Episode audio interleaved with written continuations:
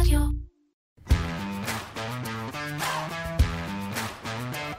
מנועי הכסף, הפודקאסט של כלכליסט על הנושאים החמים בעולם הכלכלה.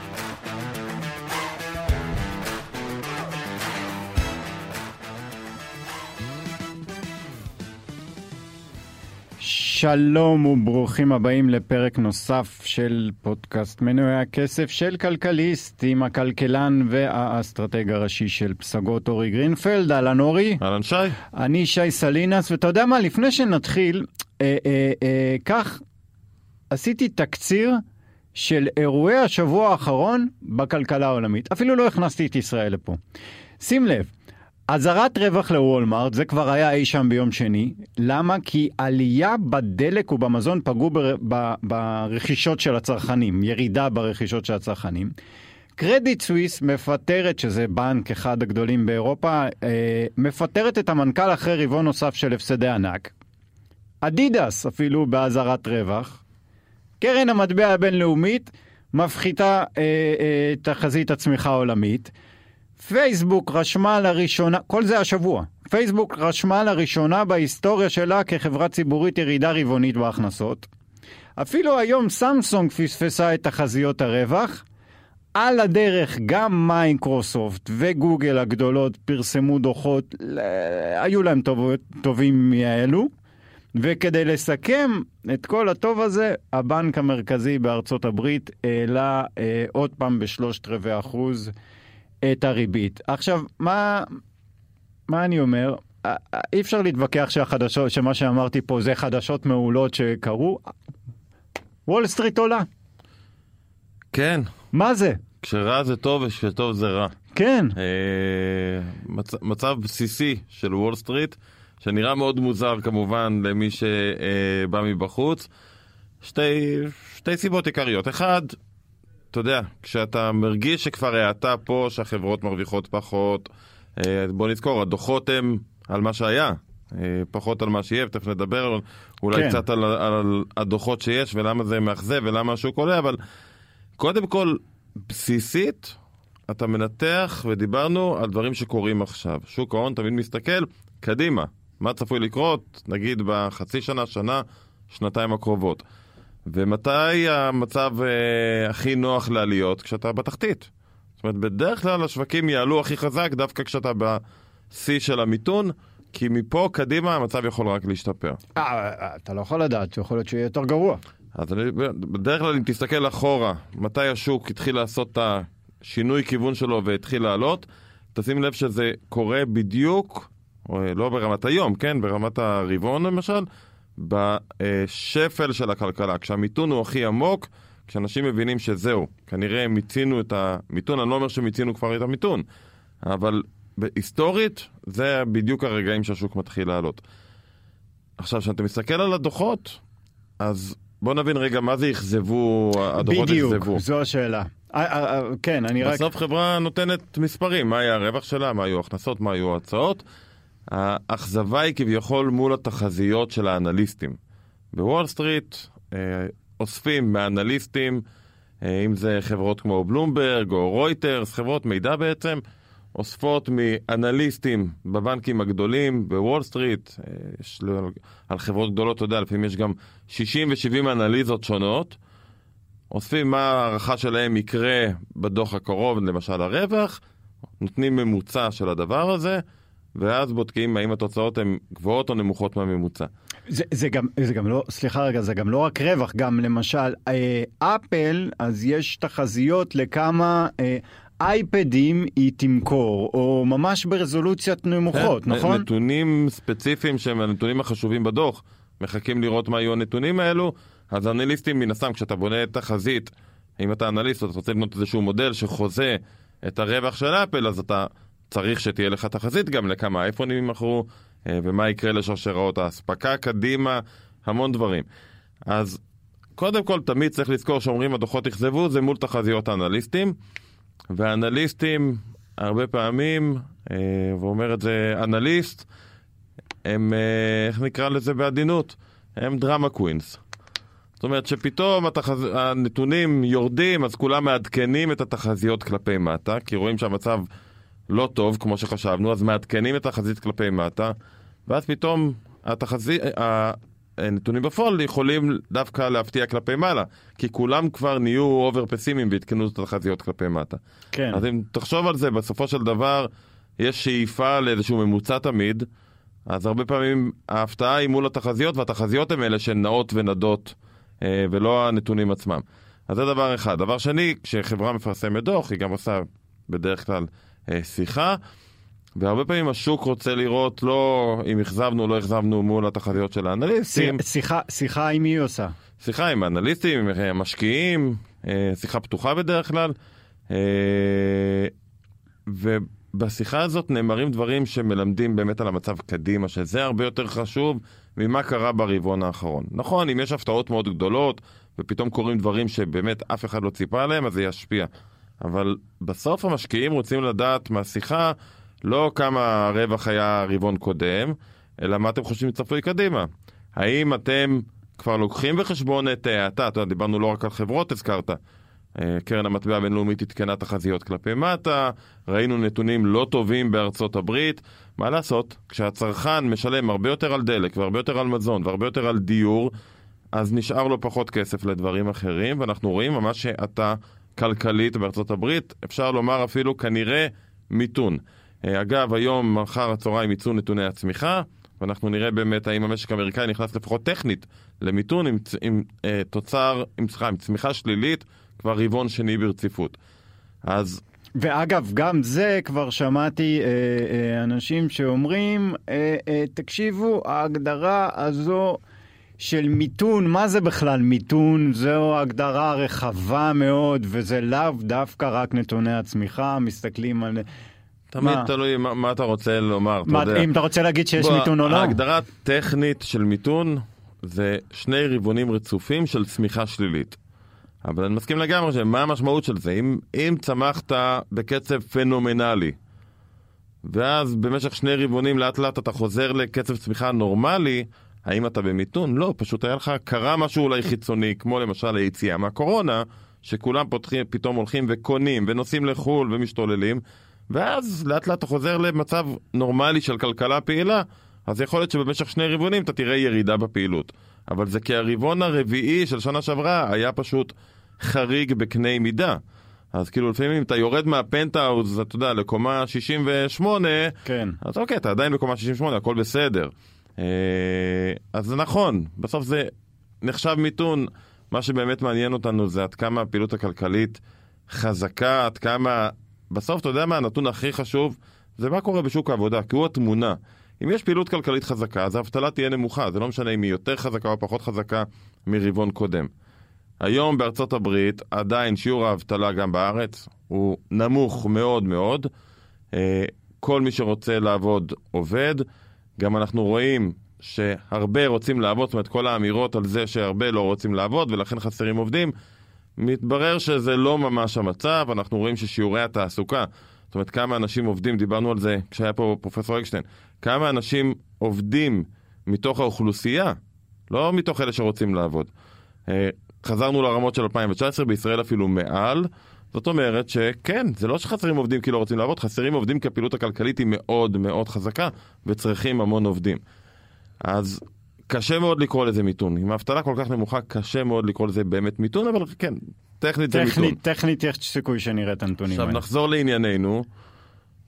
יבואו החברות ויפרסמו את הדוחות שלהם, המשקיעים רוצים לדעת האם בהסתכלות קדימה אתם כבר לוקחים בחשבון את ההמשך של ההאטה הזאת, את הנושא הזה שהצרכנים כנראה יקנו פחות גם ברבעונים הבאים. זאת אומרת, המשקיעים רוצים לראות האם החברה מבינה את הסביבה הכלכלית, שמה את זה בתוכניות עבודה שלה וכן הלאה.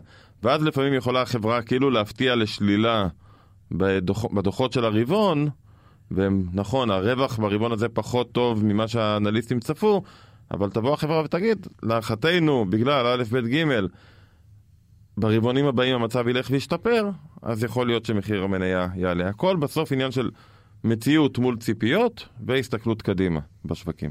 אוקיי, אני רק ב, ב, ממש בסוגריים, אני אה, אשאל אותך, זה, הציפיות האלה שאנחנו מדברים, זה לא קורה בארץ. אה, לא, אני חושב שזה גם קורה בארץ. בסופו של דבר, אה, נכון שפה השוק הוא הרבה יותר קטן ואין לך 70 אנליסטים על כל חברה, אבל בסוף הדברים הם אותו דבר. אה, אתן לך דוגמה אחת פשוטה, ראינו לפני, אה, אני חושב שזה היה לפני שבוע, את העסקה של פועלים עם ישראכרט. כן. עסקה שבגדול לא מעט דיברו שזה מה שצפוי לקרות ויהיה הפרשה הרבה יותר גדולה מישראכרט לבנק הפועלים ועדיין המניה ירדה מאוד מאוד חזק באותו היום. למה? כי כנראה לא כולם ציפו לדבר הזה, למרות שעוד פעם, המידע היה בגדול, בסוף הכל עניין של לא מה קורה בפועל, אלא מה קורה לעומת מה ציפית. אתה יודע, אני אומר הרבה פעמים לאנשים, אה, חברה X היא חברה טובה מאוד, האם כדאי לי להשקיע במניה שלה? על פניו נשמע שכן. כן. אבל לאו דווקא, אולי כל השוק חושב שהיא לא טובה מאוד, שהיא מדהימה. זאת אומרת שאם אני חושב שהיא טובה מאוד, אני חושב שהמחיר שלה כרגע יקר מדי. אולי אני לא רוצה להשקיע בה. הכל בסוף זה שאלה של מול ציפיות, ואחרי זה גם השאלה היא לא מה היה, אלא מה יהיה, שזו השאלה הכי חשובה. כן. אה, אז, אז אתה אה, אה, לפני מספר דקות הזכרת את שוק העבודה, וזה בדיוק מחבר את, את יושב ראש הפד אתמול בהחלטת הריבית של ארה"ב שדיברנו עליה בהתחלה, ששוב העלו ריבית. באותו שיעור כמו בהחלטה הקודמת, בשלושת רבעי אחוז. עכשיו הריבית הברית עומדת על שניים וחצי אחוזים. ולמה שוק העבודה? כי הוא הדגיש ששוק העבודה אה, הדוק, טייט, כי יש תעסוקה מלאה בדיוק כמו שאמרת, אבל עוד לפני שנרחיב על שוק העבודה, תסביר לנו מה הייתה אתמול החלטת הריבית, ויותר מזה, מה כולם מתלהבים? מה כל המשקיעים, ואל תגיד בשווקים קטנים, בכל וול סטריט, קנו מכל הבא ליד. כן. 4% נסדק סיים אתמול. כן, אז בואו בוא נתחיל במה היה בהחלטה עצמה. כמו שאמרת, הפד העלה את הריבית ב-3.4% ל-2.5%, זה היה די צפוי גם, אלה היו הערכות שזה מה שיקרה. מה שהיה מעניין בהודעה, ובעיקר גם במסיבת העיתונאים שאחרי ההודעה, זה באמת שפאוול מצד אחד היה מאוד, מה שנקרא, ניצי. אותת, הוא אמר שני דברים, גם בהודעה, שהפד מחויב מאוד, strongly committed, אתה יודע, כל מילה של ההודעה, מנתחים אותה, אה, הפד מחויב מאוד להחזיר את האינפלציה אל עבר היעד, היעד הוא 2 אחוזים, אנחנו היום ב-9 אחוזים, מה שבעצם פאוול אומר, חבר'ה, אנחנו ממשיכים לתקוף, אנחנו מחויבים לזה, זה הדבר היחיד שמעניין אותנו כרגע, ולכן הריבית תמשיך לעלות. הוא גם אמר שהריבית תמשיך לעלות, והיא תעלה כנראה בהעלאות אה, חדות של עוד 75 אה, נקודות בסיס או 0.75 אחוז, או עוד חצי. אה, זה תרחיש בהחלט, בהחלט סביר. הוא אפילו חזר על זה במסיבת עיתונאים, שייתכן ובספטמבר תידרש עוד העלאת ריבית גדולה, הוא קרא לזה. זאת אומרת, עוד שלושת רבעי אחוז אולי, הוא לא התחייב למספר. וזה אומר שיש לנו כנראה עד סוף השנה עוד העלאות ריבית בארצות הברית. אה, אתה יודע, חשוב לנו, אנחנו דנים בזה המון, למה זה אכפת לנו? מה, כן, למה זה מעניין אותי בכלל? אני חי ב- בישראל, אני לא חי בארצות הברית. אה, אין לי חשבון בנק בארצות הברית, ככה שאם התשובה יכולה להיות, אולי תיקח את הפיקדון שלך, את הכסף הפנוי, ותשים אותו בבנק בארצות הברית. אין לי יכולת אפילו כנראה לפתוח חשבון בנק בארצות הברית. ההשפעה עלינו מגיעה משני כיוונים. אחד, זה האינדיקטור הכי חשוב לשוק ההון האמריקאי, כי בסוף הריבית, בדיוק כמו בארץ, הריבית שאני כן מקבל בבנק, היא תחליף להחלטה שלי האם אני רוצה להשקיע כסף, או את החיסכון שלי באלטרנטיבה מסוכנת יותר כמו שוק ההון או שוק המניות, כמובן עם ציפייה לריבית גבוהה יותר, ובסוף שוקי ההון האמריקאים משפיעים על שוקי ההון בכל העולם. יש קורלציה, אם נסתכל, יש בסוף קורלציה בין ה-S&P 500 או הנסדק לשווקים גם בארץ, קורלציה מאוד חזקה. הם מובילים, הם כאילו ההוא שהולך בראש המחנה ואומר אה, זה מה שצריך לעשות וכולם... אה, סוג של, כן, זה הסממן. אה, תראה, בסוף זה מתחבר דרך הסביבה הכלכלית, כי שוק ההון אמור להיות מראה לסביבה הכלכלית, שוק ההון האמריקאי אמור להיות מראה לסביבה הכלכלית של ארצות הברית. אבל יש פה עוד שני דברים שהם חשובים. אחד, החברות האמריקאיות, בחלק גדול מהן, הן חברות בינלאומיות, זאת אומרת שאם הן יורדות או עולות, זה אומר משהו על מה שקורה בכלכלה העולמית, לא רק בארצות הברית. ושתיים, כשקורה משהו בארצות הברית, זה משפיע על כל העולם. אתה יודע, אם, אם בארצות הברית יקרה משהו, אנחנו, אנחנו ניפגע מזה או נהנה מזה. כן. כי בסוף אה, הברית היא קליינט גדול ליצוא הישראלי וכן הלאה. ולכיוון השני, אם גם הברית יהיה טוב, סביר להניח שלנו יהיה קצת יותר טוב. כן, כן. והכלכלה הישראלית מושפעת מהכלכלה האמריקאית, כמובן שלא להפך. כן. הברית, כן. לא רק שהחברות האמריקאיות הן חברות בינלאומיות, אלא גם הכלכלה האמריקאית משפיעה על כל העולם. אז כמובן שיש לזה משמעות. בהשקעות יש לזה עוד משמעות, כי אני יכול היום כמשקיע, נגיד וכבר חסכתי כסף, אני יכול לבחור האם, נכון שאני לא יכול לפתוח פיקדון בבנק בארצות הברית, אולי אם יש לי סכומים מאוד גדולים, אבל אני יכול לבחור להשקיע באיגרת חוב של ממשלת ארצות הברית, או באיגרת חוב של ממשלת ישראל. כמובן שאם אני אשקיע באיגרת חוב של ממשלת ארצות הברית אני גם חשוף לדולר, אז אני צריך להעריך מה יקרה לדולר, אבל ככל שהריביות שם יעלו יותר, זה ישפיע יותר על האיגרות חוב האמריקאיות, ואז יש לי בעצם אלטרנטיבה אחרת להשקעה במטבע אחר, וזה כמובן בסוף מתורגם להחלטות של המשקיעים אה, הישראלים או זרים שיכולים להגיד, טוב, כבר לא מעניין אותי להשקיע בישראל, אני אלך להשקיע בארצות הברית. אז בוא נדבר רגע על, ה... על כן על התגובה של השווקים, ו... והיה מעניין, זה לא, אד... אדישות לא הייתה שם. אדישות לא הייתה, ואתה יודע מה, הסתכלתי, אה, הסתכלנו בפסגות על התגובה של השווקים להחלטות האחרונות, וראינו תמונה די מעניינת בשלוש ההחלטות האחרונות, לא כולל זו של אתמול, השוק תמיד הגיב בחיוב, אם זה במרץ, במאי או ביוני. במרץ, ביום של החלטת הריבית, השוק עלה ב-2.2%, במאי השוק עלה 3%, וביוני באחוז וחצי, ואתמול כמובן היו לנו את העליות של אה, אתמול. אני מדבר, שאני אומר, המספרים מתייחסים ל-S&P 500, שזה המדד העיקרי בארצות הברית. אבל מה שמעניין זה שגם באותן שלוש החלטות, ביום שאחרי השוק ירד, ואפילו ירד בחדות. אני זוכר במאי הוא עלה 3% ביום ההודעה, ויום למחרת ירד, אם אני לא טועה, כמעט 4%. כן. ואז אתה. וזה מצב לא נורמלי אגב, כי היסטורית, בדרך כלל השוק מבין מה הפד רוצה ומקבל את הכיוון. ואנחנו רואים מצב שבו כאילו השוק מגיב להודעה, ואז יום יומיים אחרי זה אומר, אה, זה מה שהוא אמר? זה בכלל הפוך לגמרי ממה שחשבתי. אתה אומר לספור עד עשר, לנשום עמוק ואז להגיב. ממש. עכשיו, התגובות הראשוניות הן הרבה פעמים פשוט תוצאה גם של מסחר אה, רובוטי. אה, יש מכונות שקוראות את הודעת הפד או את התמלול של מסיבת העיתונאים ומחליטות לאיזה כיוון, מחליטות האם הפד כאילו עשה מהלך שהוא בעד השווקים או נגד השווקים. העניין הוא שההודעות של הפד, ההחלטות של הפד, הפכו להיות הרבה יותר מורכבות ממה שהן היו בעבר, כי המדיניות של הפד היא הרבה יותר מורכבת. למעשה לא היינו כבר עשרות שנים במצב שבפניו נמצא הפד, ואגב זה נכון לכל בנק מרכזי, כולל בנק ישראל, לא היינו במצב כזה שהבנק המרכזי מנסה על ידי הכלי שלו, של הריבית, מצד אחד לעצור את האינפלציה שמטרידה את כולם כי היא פוגעת בכלכלה, מצד שני, כדי לעצור את האינפלציה אתה מעלה ריבית, מה שיוביל לפגיעה אחרת בכלכלה. ועד כמה הבנק מרכזי יודע באמת לנהל את התהליך הזה בלי לגרום לפגיעה קשה מדי, אבל כן לעצור את האינפלציה. זה תהליך מאוד מורכב, דיברנו על זה גם לפני שבועיים, היסטורית זה לא ממש עובד, אבל תראה למשל את ההחלטה של אתמול, מצד אחד הוא אומר, חבר'ה, אני בפגישות הבאות ממשיך להעלות ריבית ומעלה אותה בחדות, כי אני מתכוון להילחם באינפלציה.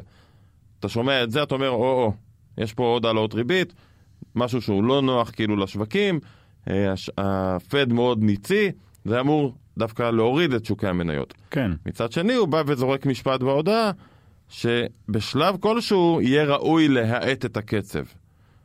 וזה כנראה מה שהשוק הגיב אתמול בחיוב, כי בעצם זאת אומרת השוק אומר... להעלות ריבית, אבל לא בטירוף. להעלות ש- ריבית, כן, אולי לאט לאט, כמו שפעם היה, כל רבעון, נבדוק האם כדאי לעלות ברבע, או אולי בכלל לעצור את העלאות, לא מדברים על הפחתות ריבית כרגע, אבל אולי לעצור את העלאות הריבית. עכשיו ש- זה... כשאתה אומר לא מדברים, אני זה, מדבר על זה הפד, הפד. כן, זה... כן, תכף, תכף נגיע גם מה קורה בשוק האג"ח, שזה גם מצב עולם לא, שלא תמיד קורה, שוק המניות ושוק האג"ח מדברים היום אחרת. מבחינת שוק המניות, גם אם הריבית תעלה בחודשים הקרובים עוד שלושת רבעי אחוז, עוד חצי אחוז, סבבה, אנחנו יודעים שזה יקרה.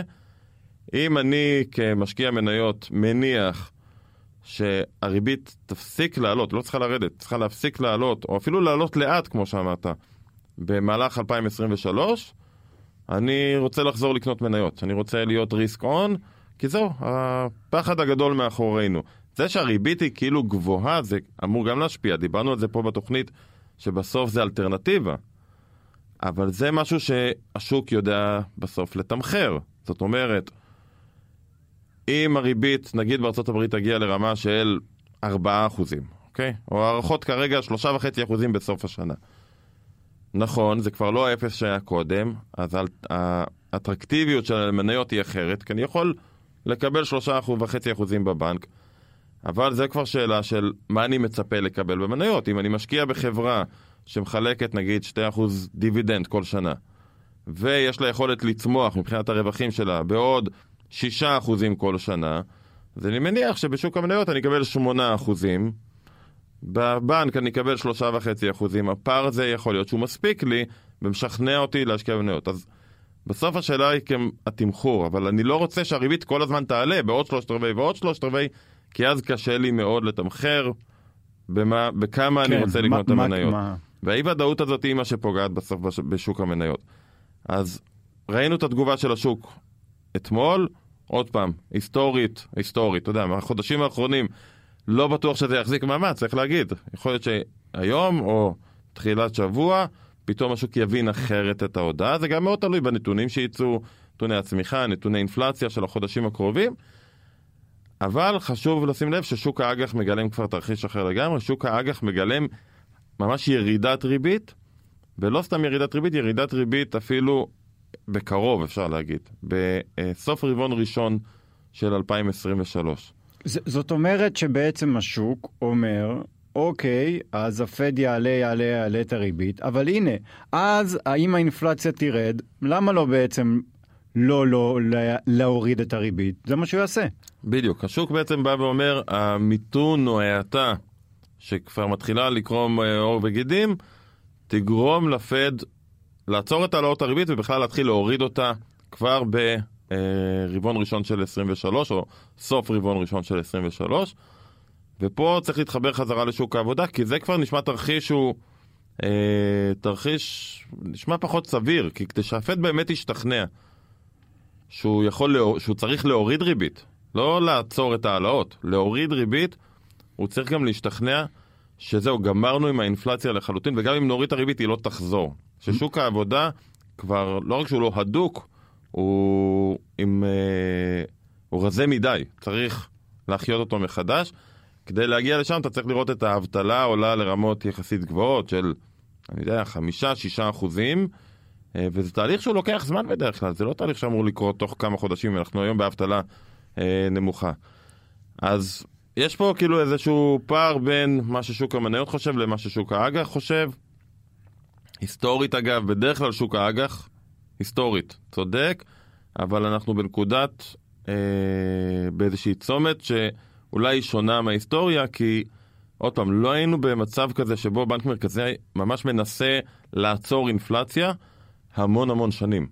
לא, המון שנים הכוונה עשרות שנים. כן, אבל, אבל, אבל אתה יודע, אולי, אולי זה הזמן לה, להזכיר, אנחנו מדברים על ריבית של אה, 2.5 אחוזים בארצות הברית. היסטורית, זה לא הריבית הכי גבוהה שהייתה. בדיוק הסתכלתי, אתה יודע, אמרתי, בוא נסתכל קצת 20 שנה אחורה. מה היה? היה ב, בשנות ה-2001 אה, ריבית של מעל 6 אחוזים. היה ב...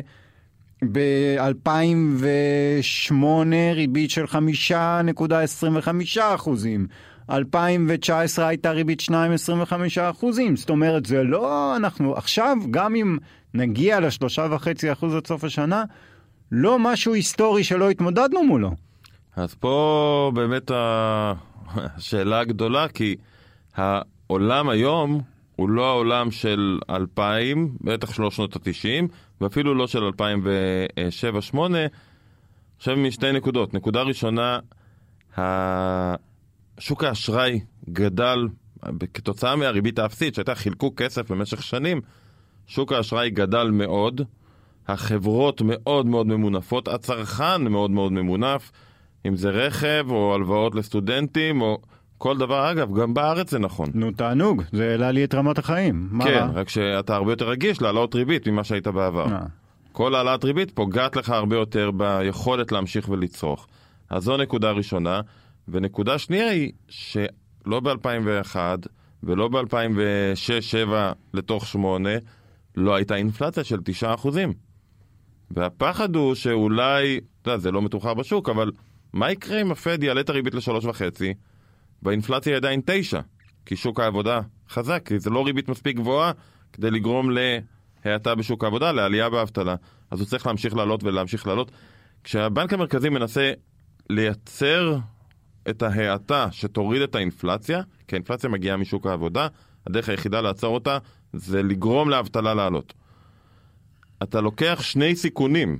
זאת אומרת, יש לך סיכון אחד שהוא לא יעשה את זה מספיק מהר ואז האינפלציה לא יורדת. סיכון שני שהוא יעשה את זה מהר מדי ואז האבטלה עולה, זאת אומרת, אתה מכניס את המשק למיתון עמוק מדי. כן.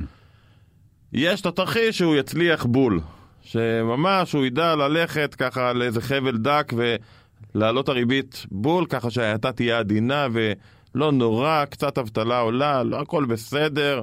אבל, אבל, אבל אף פעם לא... אה, אתה יודע, ש- כן. זאת אומרת, יש סיכון כזה, סיכון כזה, מה הסיכוי שתצליח ללכת בדיוק באמצע? ההיסטוריה מראה שזה לא קורה. ההיסטוריה מראה שתמיד מגזימים או כלפי מעלה או כלפי מטה. כן. טוב, אוקיי, אה, עד כאן החלק הזה, ואנחנו נעבור לחלק השני של הדבר המוטרף שקרה השבוע, ואולי לא שמתם אליו לב. אה, תרצה? אה, בשמחה אני אתחיל. אה, משהו שמתחבר לפרק היום ולהודעה של הפד אתמול.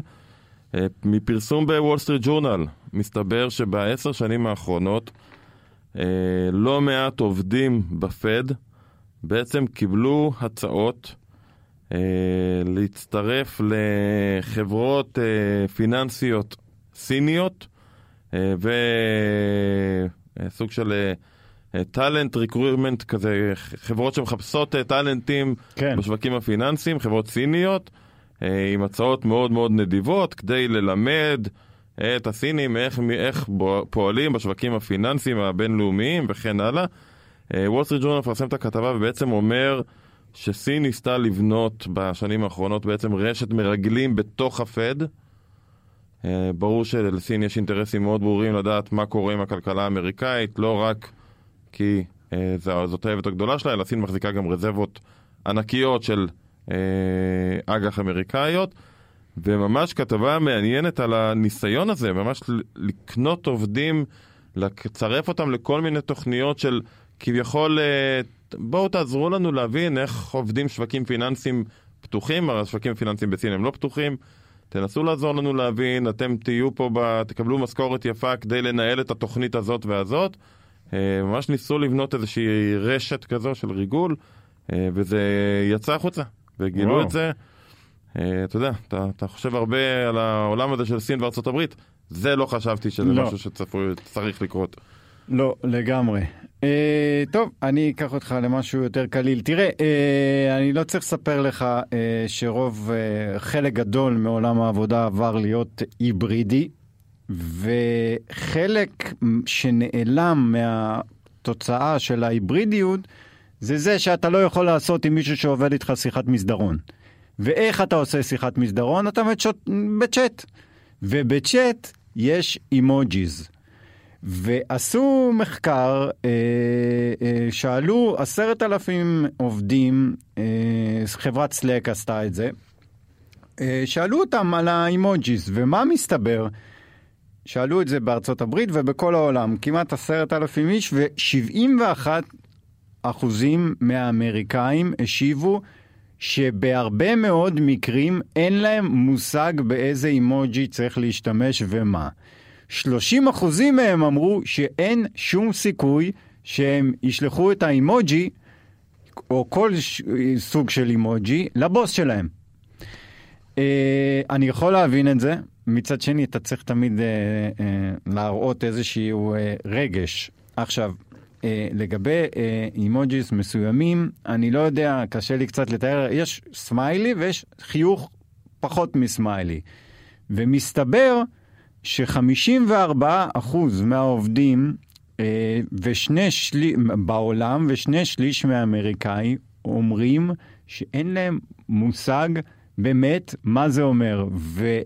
והמשמעות של קצת פחות חיוך, ביפן למשל, זה שאני ממש לא מרוצה.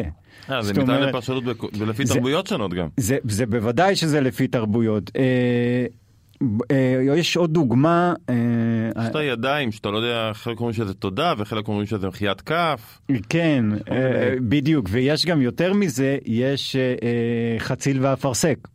כן, אבל לא... אה, אה. לא- לא נפרש מה זה, אבל 56% מהסינים שהשתתפו במחקר הזה אמרו שאין להם שמץ של מושג מה זה אומר. אני פעם קיבלתי מלקוח אה, נשיקה ולב. מה אתה אומר? יודע, זה היה קצת מוזר בהתחלה. אני ברור לי שהכוונות שלו היו מאוד מאוד נאיביות, אבל כן, זה מוזר. שאתה רגיל, אפילו פערי הבנה בין גילאים שונים. כן. איך, איך אתה מתקשר עם הדברים האלה? כן, אבל, אבל אין ספק שחייבים להשתמש בזה. מישהו שלא משתמש בזה בכלל, הוא לא מבינים אותו. כן. אוקיי, תודה רבה שהאזנתם ונשתמע בשבוע הבא.